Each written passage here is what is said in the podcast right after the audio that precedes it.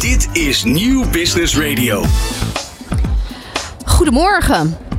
Het is vandaag donderdag 15 juni. We hebben er al twee razend mooie, zonnige en informatieve dagen op zitten hier in de Rai. Waar we vandaag aan de laatste dag van de Provada beginnen.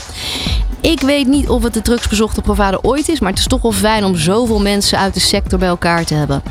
En zoals de traditie wil, beginnen we de Provada iedere dag met het vastgoed ontbijtnieuws hier op Nieuw Business Radio.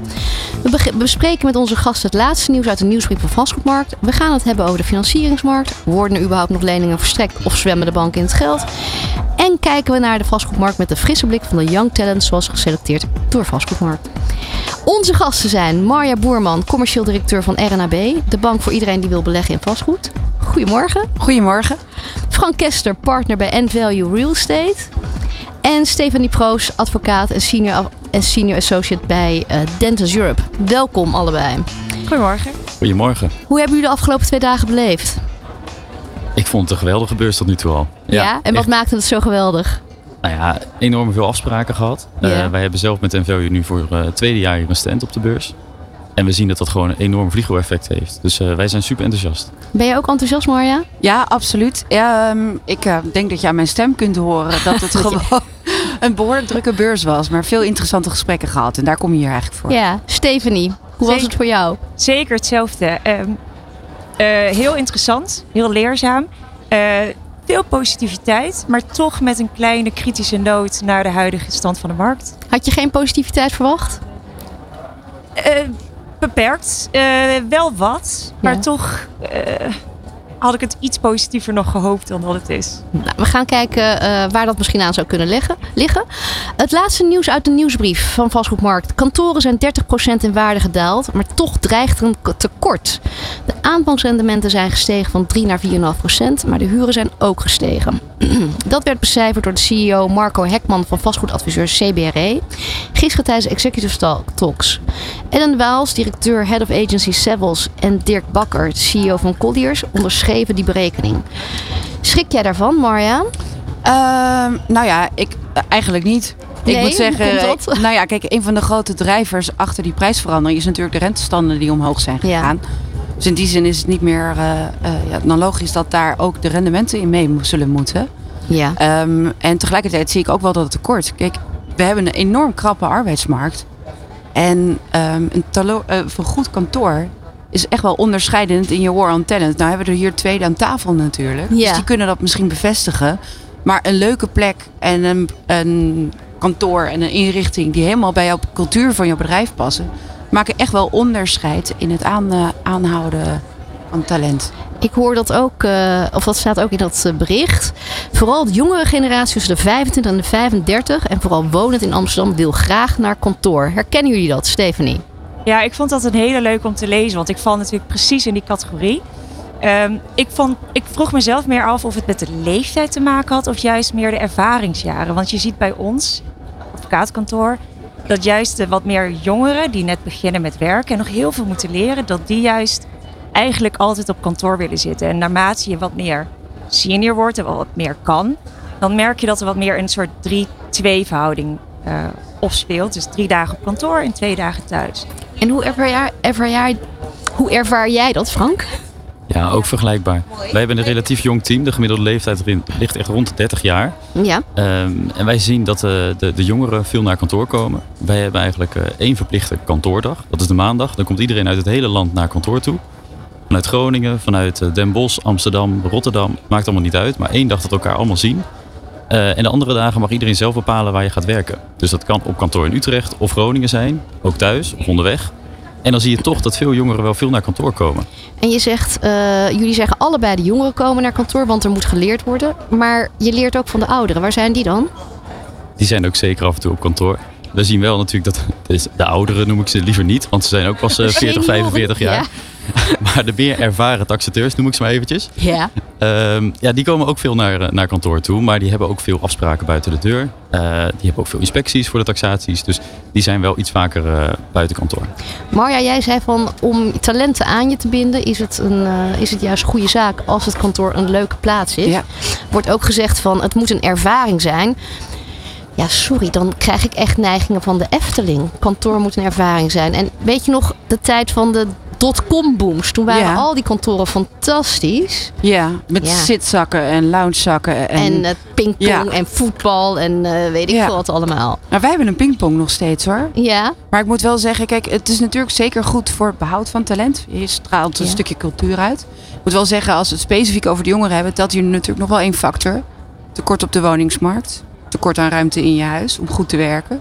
Als jij nu alleen 40 vierkante meter op, eh, op het zuiden hebt, dan ben je blij als je naar kantoor mag. Ja, hier haak ik heel graag op aan, Marga. Dit hebben wij ook zelf gezien. Wij hebben dus een kantoor in Utrecht en in Groningen. In Groningen hebben we vier medewerkers en wij hebben voor iedereen een thuiswerkbudget. En wij konden die medewerkers wel een thuiswerkbudget geven, maar als je een kamer hebt van 12 vierkante meter en daar moet een bureau in komen, ja, dan word je daar helemaal niet zo blij van. Dus toen hebben ze zelf de opdracht gegeven, we gaan een kantoor zoeken daar in, eh, in Groningen en eh, ja, Ga gaan we op pad. Maar je hoort ook dat de seniorenmedewerkers juist naar kantoor willen, want die hebben thuis kinderen rondlopen. Ja, ja dat Ja. is ook een aparte dynamiek soms. Ja. Vooral in, als je ergens mee bezig bent. Nee, ja, dat, dat klopt. Ik denk dat het ehm, uiteindelijk gaat om een goede balans. Maar dat is ook met kantoor. En welke processen doe je daar en wat doe je thuis? Ik vind thuis overleg waanzinnig irritant. Ja, Eh, ik vind thuis in stilte in mijn bubbeltje werken waanzinnig heel fijn. fijn. En ik vind op kantoor moet je dus ook juist dat soort processen faciliteren waarvoor je naar kantoor gaat. Dus je ziet wel gewoon het, het oude werkplekje en geen overlegruimte. En ook juist het informele overleg Ja. niet faciliteren. Dat heeft echt zijn tijd wel gehad. En wat is voor jou de perfecte balans? Hoeveel dagen kantoor, hoeveel dagen niet? nou, ik zit toch wel drie, vier dagen op kantoor. Maar ik moet Ja. heel veel met mijn teams samenwerken. Dus eh, drie, vier dagen zeker wel. En dan één dagje om even, eh, nou ja, eh, gewoon alle dingen af te krijgen. Om het zo maar te zeggen. Frank, hoe vaak ben je op kantoor? Precies hetzelfde. Ook vier, soms al vijf dagen in de week. Ja. Ik woon in Utrecht, kantoor in Utrecht. Ja, dan vind ik het eigenlijk zonde om eh, thuis te gaan werken. Ik vind het veel gezelliger op, op kantoor. En Stephanie? Eh, ik iets meer thuis, maar slechts één dag. Drie dagen kantoor, twee dagen thuis. Maar ik zit soms vanuit mijn rol als advocaat dat ik echt in stukken moet duiken. Me Ja. echt moet concentreren. En dan kan ik de overleggen op kantoor plannen. En dan kan ik thuis kan ik gewoon, ja, eigenlijk gewoon rammen. Ik vind het ook wel grappig, Frank, dat jij zegt, want het is gezelliger op kantoor. Krijg je ook eh, werk gedaan? Ja, dat wel, tuurlijk. Ja. En af en toe heb je ook die focusmomenten nodig. Eh, kantoor is groot genoeg, waarbij we ook een aantal focusplekken hebben. Dus dan kun je gewoon even rustig daar gaan eh, zaken uitwerken. Zoals bijvoorbeeld eh, juridische stukken lezen. Of misschien je taxatierapport schrijven. En als ik echt inderdaad veel mailtjes heb om te beantwoorden. En ik daar, ben daarin vastgelopen. Ja, dan werk ik wel even een dagje thuis om eh, alles weg te werken. We gaan naar het tweede nieuws.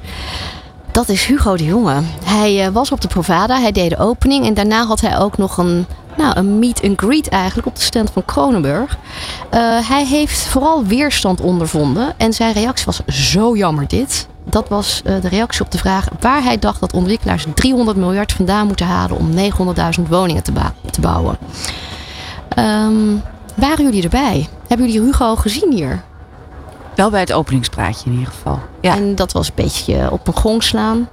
Nou ja, en eigenlijk eh, een, een verhaal wat ik wel had verwacht. En wat ook niet afweek van mijn verwachting. Viel je niks op? Nee, niet. Nee, ja, ik denk... ehm, eh, Hij had een nieuwe one-liner.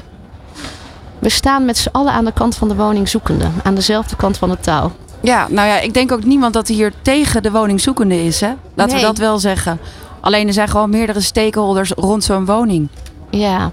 Frank, heb jij hem gezien, gesproken? Nee, ik was er niet bij. Ik had andere afspraken, dus ik kon er niet bij zijn. Was het belangrijker dan de minister? Nou ja, dat is eh, denk ik een eh, terechte vraag misschien wel. Natuurlijk is dat eh, ontzettend belangrijk. Eh, maar ja, we weten inmiddels wel gewoon wat hij, eh, wat hij beoogt en wat hij wil bereiken. En ik had niet de illusie dat hij vandaag of afgelopen paar dagen op de Provada een heel ander verhaal zou gaan afsteken. Dus ik heb voor iets anders gekozen. Stephanie, jij? Ja, sluit ik me helemaal bij aan. Snap je dat zijn eh, beleid eh, weerstand oproept? En inmiddels eigenlijk de persoon Ja. Hugo? Ja, ja, dat snap ik. En daar ben ik ook best eh, ja, wat direct over. Maar dat komt omdat het gewoon. Ja, ik kijk het wat meer vanuit een wetgevingsperspectief natuurlijk. En wat mij heel erg opvalt is dat we echt een, een, een hoeveelheid aan wetten achter elkaar opgelegd krijgen. Zonder dat het echt al heel duidelijk is wat er precies gaat komen. We weten allemaal ongeveer wat er gaat gebeuren. Maar wat precies niet. En we weten ook dat het allemaal gericht is tegen de verhuurder. En dat zeg ik even in de breedste zin van het woord. En dat maakt de markt, die al onrustig is, nog veel meer onrustig. En dat vind ik gewoon heel jammer. Dat vindt eh, Hugo heel kinderachtig. Ja, Want hij heeft een mandaat. Hij gaat de huurder beschermen. Maar ik denk dat je prima een huurder kunt beschermen. Maar je moet het hele plaatje niet uit het oog verliezen. En ik denk dat we daar misgaan. Want het is echt stapel op stapel op stapel op stapel. Als je de huurder wil beschermen, focus dan daarop, op één zaak. En zorg dat je dat goed uitkristalliseert. En zorg dat je dat eh, klaar hebt. Ik vind het persoonlijk namelijk echt, echt bizar dat het half juni is. En dat we nu nog niet weten wat het nieuwe WWS-puntenstelsel gaat worden per 1 januari. En als jurist denk je dan dat er überhaupt wel een nieuw WWS-puntenstelsel gaat komen per 1 januari? Of half januari? Per 1 januari durf ik niet te zeggen, maar ja, ik denk wel dat, dat het er gaat komen. Maar denk je dat dat deze versie gaat worden? Uh, die van Hugo de Jonge? Ja. Die versie die... Nou, hij uh, roept dat hij, dat hij enorm aan het innoveren is. Want je krijgt klimaatpunten en je krijgt punten voor de buitenruimte. Enorme innovatie. En het vertraagt maar als het zo'n enorme innovatie is. Dus er gebeurt niks. Ja. Er gebeurt niks. En dat is precies mijn uh, kritische noot hier. Dat ik denk, focus daarop en, en, en zorg dat het uh, in agreed voor, ja, zeg je dat, rond is. En dat je dat uh, uitgekristalliseerd hebt. Want dat is dus exact, we, we weten het nog niet. We weten alleen dat we wat extra punten gaan krijgen. Wat ik wel jammer maar, vind in deze is toch... Kijk, ik moet het er soms ook een beetje opnemen voor Hugo de Jong. Ik zou niet ja. graag in zijn toch vaak hippe zoenen staan. Moet ik hem eerlijk zeggen. Want het gekke is, we hebben daar een probleem. Hè? We hebben een groot woningtekort. Een hoop mensen grijpen naast. Die moeten allemaal naar kantoor omdat ze geen bureau kwijt kunnen. Maar uh, wat doet zijn uh, beleid voor uh, financieringen? Nou ja, kijk, wat ik zo jammer vind aan het hele is dat niet alleen het probleem, maar de oplossing hoe ligt al heel erg vast. Als we een vergelijk maken met het stikstofdebat, daar gingen we juist met de sector aan tafel. We hebben een probleem, hoe gaan we het oplossen? En niet, we hebben een probleem, zo gaan we het oplossen. Dat betekent dat er uh, zondebokken zijn en dat betekent dat er een aantal mensen blijer worden. Maar over het algemeen ook die huurder niet. Niet als hij nog die woning niet heeft. Met wie moet hij om tafel dan, volgens jou? Met de hele sector. Met ja, maar dat zijn allemaal lobbyisten. Ja, dat is um, onhandige framing. Um, heeft hij niet ook een beetje gelijk? Want je zegt ik moet het ook opnemen voor hem. Kijk, ik denk dat, en nogmaals, niemand van ons hier minst gunt mensen een goede, betaalbare, ja. comfortabele uh, huurwoning. Ja. Uh, dat geldt voor alle beleggers hier. Uh, enzovoort, enzovoort. Alleen aan de andere kant van het mes geldt ook dat diezelfde belegger wel zijn pensioen moet kunnen betalen. Of de studie van zijn kinderen later. Ja, maar dat niet over de rug van de woningzoekende, toch? Nee, nou, en ik denk dat het niet over de reg hoeft. Het kan gewoon hand in hand. Wat doet het met de taxaties, Frank? Enorm veel onrust natuurlijk op de markt. Dus dat heeft ook zo zijn effect op de taxaties. En We hadden het net al even over ja? de projectontwikkelaars.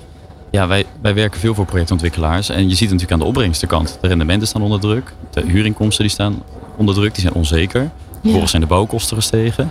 Nou, dan hebben we de rentetarieven van de banken die nog wat zijn uh, opgelopen. Ja, onderaan de streep bleef er dan gewoon te weinig over. Dan wordt er niet meer rondgerekend. Hugo zegt van ja, maar jullie zijn ondernemers. Uh, je zoekt het maar uit. En jullie hebben de afgelopen twintig jaar zoveel winsten gepakt in Amsterdam. Je kunt je best wel door de dip heen bouwen. Was een nieuwe one-liner trouwens. Door de dip heen bouwen. Maar ik ken, niet, ik ken geen ondernemers die dan nu zeggen van ik pak wel een paar jaar verlies. Ik heb daarna weer een paar goede jaren. Ja, maar je hebt ook een paar jaar winst gepakt. Zegt hij dan. Marja, ja. Ja, nou ja, kijk, ik, uh, ik uh, kan me vaker herinneren dat dit soort dingen gebeurden. En dat ja. over, over het algemeen betekende dat dat projecten de ijskast ingingen. Want je gaat een... niet verlieslatend nog meer investeren. Dan stop je even en dan wacht je op betere tijden. Dat vindt Hugo heel kinderachtig. Ik vind dat verstandig ondernemen. Ja. Soms. Is er een maatregel die de markt kan uh, vlot trekken? Hij noemt het volkshuisvesting. Is er iets wat hij kan doen om te zorgen dat er wel gebouwd wordt? Nou, ik denk nogmaals dat we daar gewoon met alle partijen samen aan zouden moeten gaan beginnen. Want ook een overheid kan het niet in zijn eentje. Ja. He, we hebben het over 300, 300 miljard zomaar voor die 900.000 woningen. Maar we hebben het ook nog eens over een verduurzamingsopgave. Die bijvoorbeeld ook bij corporaties heel nadrukkelijk speelt. We hebben gewoon alleen samen, hopelijk, dat geld. Als de overheid denkt dat in zijn eentje te kunnen, dan lukt het ook niet. Want dan gaan we gewoon een heel jaar gaan wij niet wegen bouwen, geen onderwijs geven, geen ziekenhuizen inrichten, enzovoort, enzovoort dan kan een overheid dat misschien. Maar ik denk niet dat, dat die belangenafweging wordt gemaakt. Hij uh, vindt het heel kinderachtig dat hij voor een zaal stond waarvan dus iedereen zei van wie denk je dat die 300 miljard gaan ophoesten? Um, hij vindt het heel normaal dat de markt dat doet. En er werd een vraag gesteld van regulering of woningen bouwen. Dat uh, gaat niet samen, werd er gesteld. Hoe kijken jullie daarnaar, Marja? Ik hoop dat er gewoon casus komen waarbij het weer hand in hand gaat. En daar zijn wij naar op zoek. Ja. Frank? Nou, ik heb ook deze beurs weer een aantal institutionele beleggers gesproken. En die geven eigenlijk aan van voor ons is die middenhuur helemaal niet zo'n probleem. Het gaat om duidelijkheid. Ja. En als die duidelijkheid er komt, dan kunnen we weer verder. Maar nu is die er niet. Kom ik toch weer bij jou uit, bij de advocaat, die duidelijkheid per 1 januari.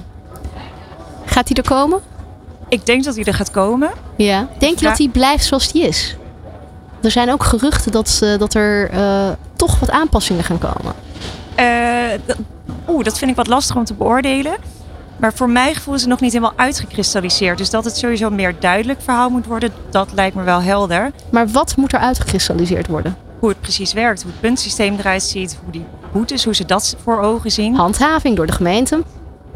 Succes. Eh, het is meer wat ik bedoel is hoe de boetes eruit zien. Wanneer heb je de boete verbeurd, wanneer niet? Zit je er net iets naast, heb je dan al gelijk een fikse boete? Al dat soort dingen, dat zijn allemaal vragen die meespelen en ook vrij relevant zijn. Want welke verhuurder wil dat risico lopen? Ehm, en vooral het WWS-puntensysteem. Bij in Marja. ieder geval is het nog niet helder. Jij kijkt heel moeilijk. Ja, nou, ik, eh, ehm, ik moet zeggen, wat wij merken is eh, af en toe gewoon gelatenheid van beleggers. Ja. En die hebben er vaak gewoon tientallen jaren over gedaan om een mooie portefeuille eh, op te bouwen.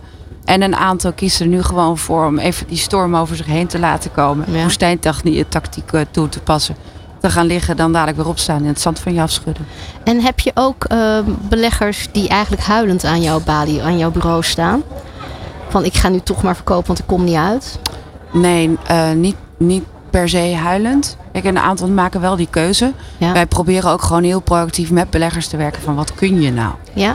Hè, want ook zij zoeken huurder eh, wel helderheid. Het is nog niet helemaal duidelijk. Maar we weten wel dat er een aantal woningen bijvoorbeeld zijn die gewoon op het grensgebied gaan komen. ja. Eh, en die bijvoorbeeld met verduurzaming enorm geholpen kunnen worden. Wij vinden het ook verantwoord, want daarmee help je ook nog steeds de huurder in de totale betaalbaarheid van zijn woonlasten. Alleen dan niet via de huur, maar via de energierekening. En, Dus dat soort oplossingen zoeken wij actief met onze klanten. en zeg je dat dan ook tegen de particuliere huurder of alleen de huur- verhuurder of alleen tegen de verhuurder in de BV?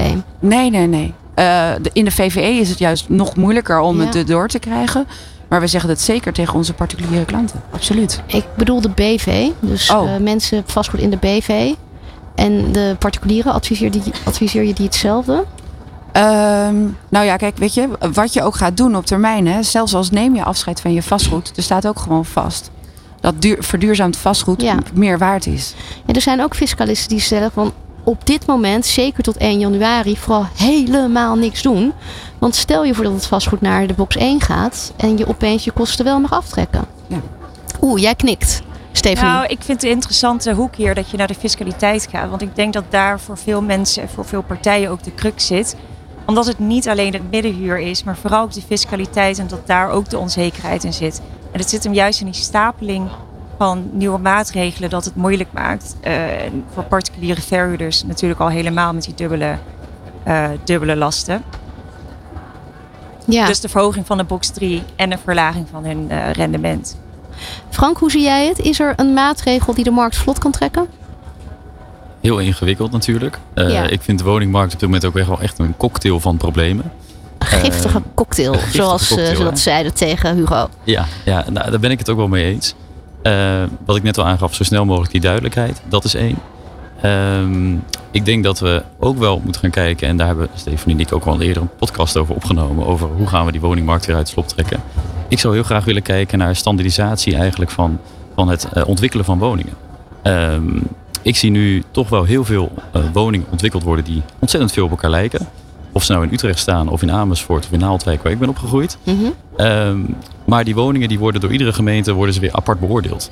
En kunnen we niet gaan werken naar een soort stempel waarmee die woningen toch eigenlijk een soort certificaat krijgen. Waardoor ze bij de ene gemeente al zijn goedgekeurd en niet ook nog eens een keertje bij de andere gemeente. Waardoor we toch een versnelling gaan krijgen aan de kant van de vergunningen.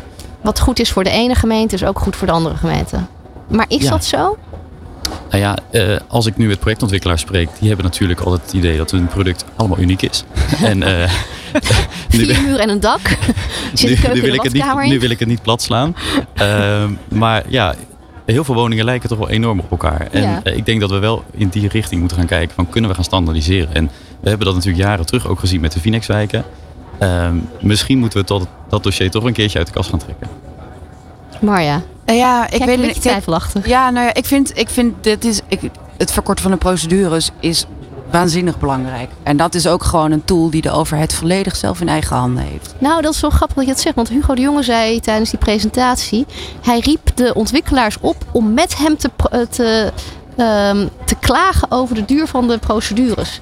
Het was een taak van de ontwikkelaars om te zorgen dat die procedures eh, korter konden. En dat moesten ze bij de gemeentes en bij de overheid duidelijk maken. Ja, ja, nou goed, die moeten daar ook capaciteit voor hebben natuurlijk om ze af te handelen. Dus zo eenvoudig is het niet. Ik denk, het probleem is veelkoppig. Een oplossing zal ook veelkoppig moeten zijn. Dus die zit inderdaad in innovatie, in je projectontwikkeling, in je bouwproces. Eh zit een stukje in hoe gaan we om met grondwaarden en wanneer, hoe gaat die mee met het haalbaar houden van bepaalde business cases. Zeker als het gaat om bijvoorbeeld het huisvesten van kwetsbare doelgroepen. hè, In de sociale eh, huur bijvoorbeeld. Maar ook eh, migranten. Maar ook ouderen. al dat soort Ja. mensen die ook echt heel nadrukkelijk slachtoffer zijn van deze woningmarkt. En ja, laten we kijken met z'n allen uit welke hoeken we allemaal een beetje kunnen doen. Ik denk dat we dan dichtst bij een oplossing komen. We gaan door naar het derde onderwerp. Ik durf het bijna niet te zeggen, maar eh, we zijn erg gefixeerd op eh, Hugo de Jonge. En deze keer gaat het over eh, zijn fixatie op betaalbaar wonen. Die fixatie op betaalbaar wonen is onnozel, zegt hoogleraar Peter Boelhouwer.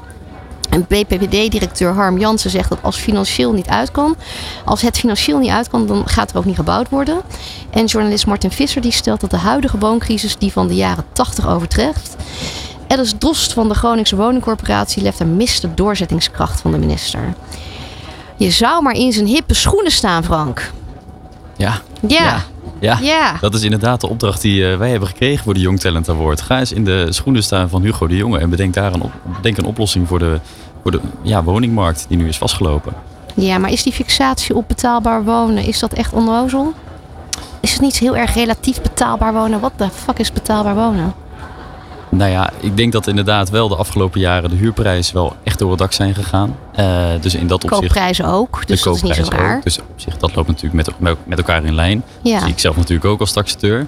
Ehm, ik denk wel dat er wel gekeken moet worden naar een bepaalde vorm van bescherming op sommige gebieden. En dat hebben wij ook gezien als we kijken Bescherming naar van wie? Huurder, Van de huurders. koper, ontwikkelaar? van de huurders. Want wij hebben ook gezien eh, ontwikkelingen in eh, gebieden met veel arbeidsmigranten, waar dan huurprijzen worden betaald van 1000 euro voor, eh, voor 12 vierkante meter.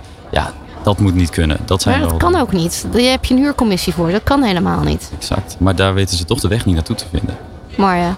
Ja, weet je, ik, ehm, ik zou er sowieso niet graag in zijn schoenen staan. Ik wil Ik je net vragen of je het een leuke baan eh, lijkt. Nou ja, maar oncomfortabele schoenen. Ze zien er leuk uit, maar hè, na drie dagen hier weet je wat de schoenen voor comfort moeten hebben.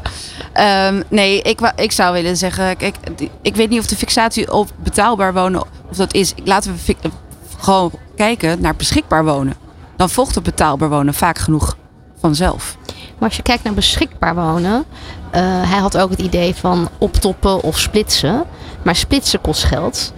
Als je grote woningen klein maakt, ga je weer, eh, val je onder de vrije sector. Dat kost je ook geld. Dus alles kost geld. Dus alle oplossingen kosten geld. Ja, en dat is een impasse waar we doorheen moeten breken. Misschien moeten we ophouden met over betaalbaar wonen praten, Stephanie. Ik ben het wel mee eens dat de fixatie wel misschien iets te veel daarop ligt. En dat het verhaal natuurlijk veel ingewikkelder en veel breder is dan alleen dat. En dat er wel wat te zeggen valt voor het feit dat wordt gekeken dat de huurprijzen ergens eh gekapt wordt of dat daar iets mee gestuurd wordt. Dat kan ik zeker wel begrijpen. Ja, ik ben dat, sorry, ik ben dat niet helemaal met je eens. Nee? Ik denk als iedereen kan kiezen uit drie huurwoningen, hij degene kiest die bij zijn budget past en het meeste comfort of het meeste woongenot voor dat budget geeft. Ja, maar dat zit hem in de betaalbaarheid. Uiteindelijk ook. Nou, het zit hem ook in de keuze. Als je keuze Zeker, hebt uit ja. soorten woningen, dan wordt het vanzelf betaalbaar. Eh, zeker, maar die keuze die is nu wat meer beperkt en daardoor stijgen die prijzen ook. Dus dat je daar het iets gaat inperken is denk ik niet heel gek. Maar als je die keuze nou zou verruimen door verhuurders meer ruimte te geven, om te creëren, om eh, wel hun werk te doen, zou je dan niet gewoon ook voor de huurder veel meer keuze hebben? Want je hebt nu op één woning heel veel mensen in de rij staan. In Rotterdam ken je beelden van 300 mensen die op één huis afkomen. Vorig jaar waren het er 30. Eh, ik ben helemaal voorstander van dat we de huidige woningmarkt, dat we die juist meer eh, gebruiken en dat we daar juist wat meer ruimte in vinden. Dat was juist onderdeel van mijn verhaal als ik in de schoenen zou staan van Hugo de Jonge. Want het interessante aan de huidige woningmarkt is dat er heel veel eenpersoonshuishoudens zijn en best wel grote huizen. Dus ik denk dat als je dat meer onder de loep neemt, dat je zo veel meer woningen kunt creëren. Of in ieder geval veel meer plekken voor mensen. En dus de ruimte kunt creëren. En dan zit je meer aan de vraagzijde om dat te beperken. Door uiteindelijk de keuze groter wordt en je wat minder in die regulering hoeft te zitten. Ik ben daar groot voorstander van, maar ik ben benieuwd, Frank. Zie jij dat? Dat mensen in te grote huizen wonen en dat ze zeggen: Weet je wat, ik wil eigenlijk best wel splitsen of kleiner of wat dan nou, ook. zeker bij mij in de straat nog. En Eh, doen ze het? Of wat Nee, weerhoudt er zijn geen opties. Er zijn geen opties om te verhuizen. En dat is nu het hele eigen eten. Dat, eh, ik heb bij mij in de straat twee vrouwen van een jaar of tachtig wonen, Ja. Els en Ria. En zij kunnen gewoon niet eigenlijk naar een appartement. Zij bezitten Nou. nu een woning van 120 vierkante meter in Utrecht. Ja, zelf. Ze kunnen het niet meer onderhouden. Ehm, ze willen eigenlijk wel weg. Maar er zijn gewoon in de buurt geen opties. Marja, ik denk dan de optie is, dat is mijn droom. Nou, Marja en Rita heten ze, de dames. Els en Marja Ria. en Els. Sorry, Els en Ria heten ze. Als er nou een regeling zou zijn waarbij Els en Ria gewoon kunnen wonen op die 50 vierkante meter die ze willen hebben. En de andere helft splitsen ze af. Je creëert.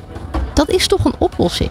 Ik kan me niet voorstellen dat, die, dat Els en Ria dat niet zouden willen. Op dezelfde plek blijven en de helft van hun woning afstoten. Ja, ik zie dat ook als een van de oplossingen. Het verdichten eigenlijk van de stad misschien wel. Ja. En waarom gebeurt het niet? Nou ja, kijk, weet je, even, even los van de bouwkundige status. Het is natuurlijk ook raar dat je op je bijkant, eh, bijstand of op je AOW wordt gekort als je gaat samenwonen. Dat soort dingen zijn ook laaghangend fruit waar een overheid volledige helft over de over beschikking heeft. Ja. Nou, wij gaan er niet uitkomen. Eh, Nou ja, het ik punt is, we kunnen eens. dat niet in ons eentje doen. Klaar. nee. Niemand van ons. Ik hoor eh, weinig animo om in de schoenen van Hugo de Jonge te staan hier. Hoor ik dat verkeerd? Dat heb je goed gehoord. Marja ook niet.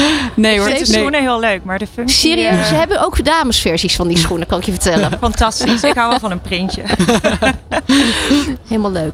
Ehm, vanmiddag is de, wat is het, kwart over elf is de Young Talent eh, Award uitreiking. Zijn jullie zenuwachtig, Stephanie en Frank? Ja, natuurlijk wel gezonde spanning. Dat Wie wel. gaat hem winnen? Het is nu heel arrogant om te zeggen, ik ga ervoor. Maar eh, nee, Je ja, het is, ik denk voor. echt, dat- het is natuurlijk, ja, je staat nu in de finale, dus iedereen wil hem wel gewoon winnen. We hebben de afgelopen weken allemaal hard voor gewerkt. We hebben behoorlijk wat opdrachten gedaan. We hebben blogs geschreven, vlogs, ge- vlogs opgenomen. We hebben podcasts gemaakt. We hebben ontzettend veel ervoor gedaan allemaal. Dus ik denk dat we hem allemaal graag willen winnen nu. Stephanie, wat ga je doen als je hem wint? Ik wilde zeggen, wat een politiek correct antwoord hiervan. Fantastisch. Wat ga ik doen als ik win? Oh, ik trek die fles wijn open. Maar dat doe ik sowieso eigenlijk wel. Ja, ja. En eh, dit weer nodigt ook uit tot drinken. Maar we hebben nog een eh, dag voor de boeg. Marja, wat ga jij doen vandaag hier? Eh, nou, ik heb vandaag eindelijk niet zoveel afspraken. Dus ik ga zeker kijken. Want als ik hier zie wat er aan tafel zit, denk ik dat het een hele spannende nek-aan-nek race wordt met veel vuurwerk. Dus ik kijk er naar uit. Ik eh, wil jullie bedanken voor jullie aanwezigheid. Ik vond het heel gezellig om jullie hier aan tafel te hebben. Ik wens jullie een hele mooie dag, een mooie laatste dag. Heel veel succes zometeen eh, bij de uitreiking. En eh, ik hoop jullie volgend jaar weer te zien. Dank jullie wel. Marja Boerman, commercieel directeur van RNAB. Stefanie Proos van Dentons en Frank Kester van N-Value. Dit is Nieuw Business Radio.